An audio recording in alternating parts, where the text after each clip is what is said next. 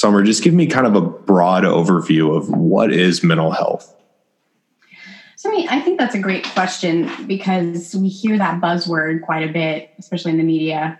Um, basically, mental health is made up of our feelings, thoughts, and um, behaviors, and it involves um, ourselves as well, well as others because it has to do with our internal psychological state as well as our social interactions. Um, so, if you're human, chances are your mental health has taken a lot of ups and downs throughout the years, whether or not one is aware.